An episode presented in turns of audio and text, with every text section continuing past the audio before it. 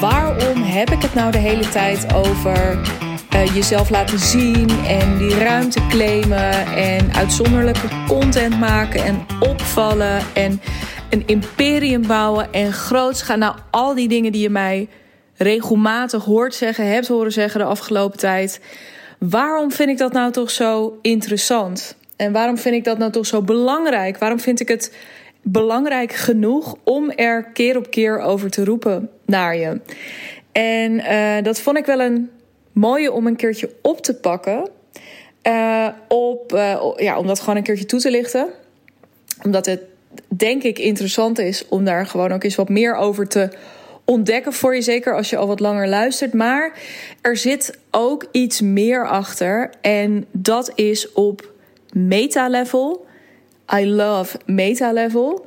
Um, dat dit ook voor jou een super interessante vraag is om, uh, om eens wat beter vast te pakken.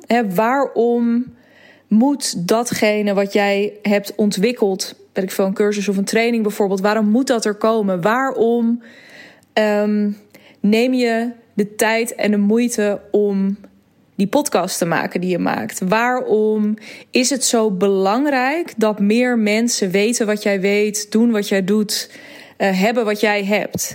Waarom is dat zo belangrijk? Duik je daar voor jezelf echt wel eens in? Nou, in alle eerlijkheid, uh, dit is een oefening die ik ook echt niet elke week oppik. Echt niet. Sterker nog, um, ik vermijd hem ook nog wel eens graag. Uh, dat deed ik in het verleden zeker. Inmiddels ben ik daar een stuk relaxter in. Maar omdat hij zo groot voelt, herken je dat? Ook als je mensen hoort over een missie of over een visie, daar heb ik me ook al wel vaker over uitgelaten. Um, ik vind daar ook iets van. Dat zal dan ook wel weer iets over mij zeggen. Zeker in combinatie met het feit dat ik die vraag zelf liever uit de weg ga. Maar ook wel, um, het zit ook net even anders voor mijn gevoel. Het zal wel en-en zijn. En dat is dat um, het ook verlamt. Dus wat ik net zei, de vraag is super groot. Ik stel hem altijd aan mijn klanten. Dus ik ben gewoon super benieuwd wat er dan komt. Maar de vraag, jeetje, waarom doe je wat je doet?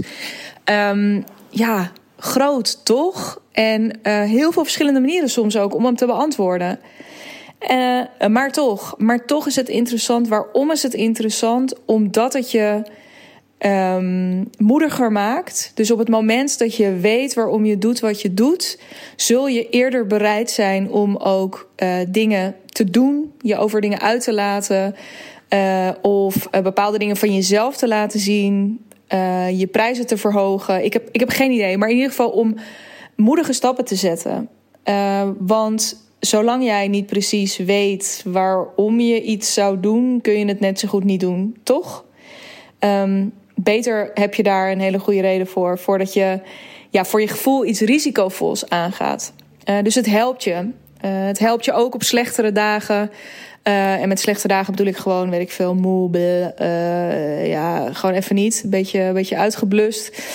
Um, helpt het je ook om toch in actie te komen, eventueel. Om toch te kijken van nou, zijn er niet gewoon één of twee dingen die ik, die ik op zou willen of kunnen pakken. Um, allemaal dingen die, uh, ja, die je, die je, je komt in beweging. Dus weten waarom je doet wat je doet. Je komt in beweging en je komt gericht in beweging. Het gaat je heel veel duidelijkheid geven. En um, nou, ik zat dus voor mezelf. Weet je, waarom vind ik het nou zo belangrijk? Uh, dat ik dat zelf. Dus nou ja, voor mij, voor mij is het heel duidelijk hè, dat ik zelf wil groeien in mijn echt authentieke, um, ja, in mijn authentieke zichtbaarheid. Ik wil groeien met mijn bedrijf om daarin een voorbeeld te zijn. Ik heb daar Um, uh, toen ik daar wat dieper indook, dacht ik: oh ja, ik heb dat altijd ook al wel um, daarnaar verlangd. Ik heb altijd al wel een voorbeeld willen zijn of een inspiratiebron voor anderen. En dan is het liefst in eh, dat ik het gewoon doe en dat mensen zich daaraan op kunnen trekken, versus dat ik. Nou ja, elke keer heb ik eerder een podcast over opgenomen. Dat het elke keer hele mooie praatjes zijn. Dat, daar koop ik niet zoveel voor. Um, dat leaden by example. Daar, eh, nou ja, dat, dat heb ik daar heb ik altijd naar verlangd. Dat heb ik altijd belangrijk gevonden. Um, waar dat dan weer vandaan komt, nou, dit is er dus eentje. Daar zou ik nog eens wat dieper in kunnen duiken.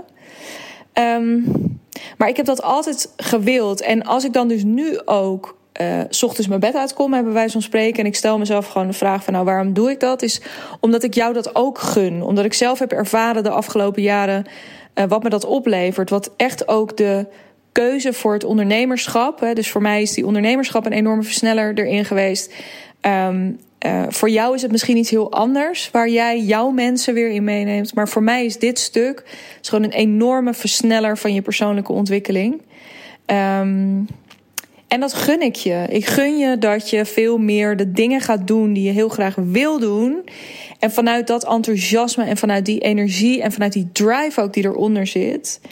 Uh, om daar, ja, om, om iets neer te zetten wat alleen jij neer kan zetten. Um, nogmaals, omdat ik dus weet wat het jou kan opleveren. Maar ook daarvan zou je weer kunnen zeggen: ja, waarom de fuck is dat dan belangrijk? Want ja, dat, dat is dan fijn voor jou dat jij dat gaat doen. Dat is dan fijn voor mij, omdat ik dan kan doen wat ik het liefste doe. En daar ook nog eens geld mee verdien, omdat jij klant bij mij wordt. Maar waarom is het nou echt belangrijk? Waarom doet het ertoe dat dit gebeurt? En doorvragend daarop um, kwam ik erop uit dat ik het gewoon echt oprecht belangrijk vind dat iedereen die uh, een goed idee heeft om de wereld een beetje mooier, fijner, leuker te maken, dat hij de kans krijgt. Of nee, dat hij eigenlijk ook de verantwoord, nou dus de kans krijgt, maar in zekere zin de verantwoordelijkheid neemt om dat ook daadwerkelijk te gaan doen. En dat is echt ook geworteld in een. Ik, ik laat me daar niet heel veel over uit en ik overweeg daar een podcast over op te nemen. Maar ik voel me op dit moment ook helemaal niet zo heel erg thuis in de discussie die gaande is rondom corona. En die vrij, vooral dat tegengeluid, ook tegen uh, de nou ja, corona, of vaccinatiepaspoort en weet ik veel wat er allemaal Coronapas, daar um, ja, voel ik me gewoon niet zo heel erg in thuis. Ik vind het zwart, ik vind het donker, ik vind het, uh, ja, ik, ik, nou ja, goed, daar wil ik nu al, niet al te diep op ingaan. Want wat me daarin heel erg opviel, of wat, waar ik daarin dus heel erg mee geconfronteerd word, is dat ik een fundamenteel um, positief mensbeeld heb en ook heel erg juist ook nu voel, dit is de tijd waarin de mensen gaan opstaan met ideeën die ertoe doen en die ook echt fundamenteel iets gaan veranderen in de manier waarop we met elkaar samenleven. En dat kan zijn op spiritueel vlak, dat kan zijn op um, uh, ecologisch vlak, dat kan zijn op economisch vlak, dat kan zijn op politiek, op onderwijs. Dat, dat maakt me allemaal niet uit. Maar dit is de tijd waarin die mensen aan het opstaan zijn en het verschil gaan maken. En ik geloof er dus ook in Kijk, ik weet wel hè, dat we met z'n allen het klimaat naar de, naar de tering aan het helpen zijn. En zo zijn er nog een. Dat was een, ik kwam ook lekker uit mijn tenen. Nee, dat weet ik echt. Daar ben ik ook echt niet sceptisch over. En ik, ik zie ook heel veel lelijke dingen. Ik weet ook dat mensen lelijke kanten hebben. Maar ik geloof er. Ik zie dat het gebeurt. Gewoon, hè, dat, dat er mensen rondlopen. Eh, Nelson Mandela zei het al, weet je, er, er is maar één iemand nodig. Ik heb geen idee meer hoe hij dat precies zei, maar het, het moraal van het verhaal was: er is maar één iemand nodig om iets te kunnen veranderen, om een beweging op gang te brengen die iets zal veranderen. En soms is er letterlijk maar één iemand nodig. Het mooiste voorbeeld hiervan, en ik, als je eens met me gekletst hebt misschien hierover, dan heb ik je dat misschien ook al wel eens verteld. Maar um, Hè, bijvoorbeeld zo'n probleem als klimaat, dat is zo ongekend groot. Hè, dat je bijna ja, alles wat je doet voelt een beetje als een druppel op een gloeiende plaat. Um, uh, nou ja, het, het, het voelt zo overweldigend bijna dat je denkt: ja, wat doet het er ook nog toe? Of ik mijn afval scheid, of hè, dat ik uh, um, uh, peuken ga rapen in, in de stad om het. En, en ik weet dat het, tuurlijk, weet je, al die druppels samen, dat doet er weer toe. Dus ik, ik geef dit niet als voorbeeld omdat ik daar zelf ook sceptisch over ben. Ik vind het fantastisch juist dat dat gebeurt.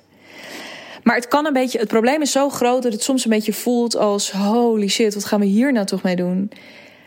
En daar, hebben we heel, daar, daar gaan we echt, nou, dat met een beetje geluk en heel veel mensen voor nodig en bla bla bla.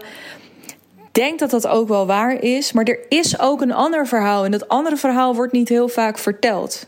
En luister ook bewust naar die bewoording die ik daar gebruik. Dit verhaal wordt niet heel erg vaak verteld. En dat is het verhaal van een vent in China die onder de rook van Beijing een stuk landschap, echt een, echt een flink landschap, echt heel groot, natuurgebied, helemaal kaal geslagen. Dus was voorheen helemaal groen en helemaal kaal geslagen uh, door de uh, kap. Dat was ooit landbouwgrond van gemaakt, maar vervolgens met nou ja, de, de klimaatveranderingen, heftige regenval, dan weer droogte, erosie. Het was helemaal kaal. Beijing had daar ook last van. Dus daar woeien dan ook regelmatig um, echt zandstormen of stofstormen door de stad. Um, echt, nou ja, te, ten dode opgeschreven. Het is echt een beetje een dood spooklandschap. En dan, toen is er één wetenschapper geweest die, en ik weet niet meer precies hoe, maar die gezien heeft: ik zie een manier om dit landschap weer, nogmaals ten dode opgeschreven, dit landschap weer helemaal in zijn oorspronkelijke staat te herstellen. En dat is hem gelukt in een paar jaar tijd. Dus één iemand die een fucking goed idee heeft gehad, die is dat idee gaan delen. Heeft hij een paar mensen om zich heen verzameld en daarna is hij het gaan doen. Samen met die mensen die daar net zo hard in geloofden als hij zelf, of die in ieder geval net zo open stonden voor die potentie um, als, als hij. En het is er gelukt. En dat landschap is, uh, nou ja, dat, dat bloeit als nooit tevoren. Er zijn diersoorten terug aan het komen. En um, ja, het leeft gewoon weer echt. En misschien nog wel beter dan ooit. En wat ik toen zag, daar klikte iets bij mij. Dat is zo'n ding, hè? soms heb je dat. Dan pik je zo'n ogenschijnlijk verhaaltje ergens op, maar dat raakt iets bij je. Het is interessant ook om voor jezelf na te gaan of jij ook van die voorbeelden hebt. Want die voorbeelden willen je iets vertellen. En wat dit verhaal mij wilde vertellen was ook: oké, dit is dus waar je in gelooft. Dit is dat optimistische, positieve mensbeeld met een heilige overtuiging in innovatie. En dat we dus die mensen nodig hebben, dit soort mensen. Uh, de, dat we het nodig hebben dat zij opstaan. En dat ze hun verhaal gaan vertellen. Want als deze vent zijn mond had gehouden, dan was dit nooit gebeurd. En als ik mijn mond hou, dan had, weet je, ik heb nu al, en ik ben echt pas net begonnen, maar ik heb nu al, zonder mezelf daarmee te veel credits te willen geven, maar was ik niet opgestaan, waren er een aantal mensen geweest, klanten die um, uh, de afgelopen jaren bij mij zijn geweest, die echt een aantal stappen niet gezet zouden hebben, of in ieder geval niet zo snel of niet zo impactvol met hun bedrijf.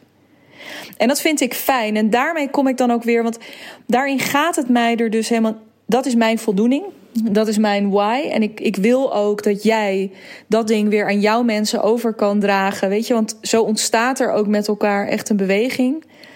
Um, maar ik geloof dus ook echt dat de wereld het nodig heeft. En het mooie is, toen realiseerde ik me ook weer, daar had ik onlangs ook een gesprek over met Sarah. Sarah is uh, bij mijn bedrijf gekomen. Zij werkt nu ongeveer een dag per week bij mij als mijn uh, business manager.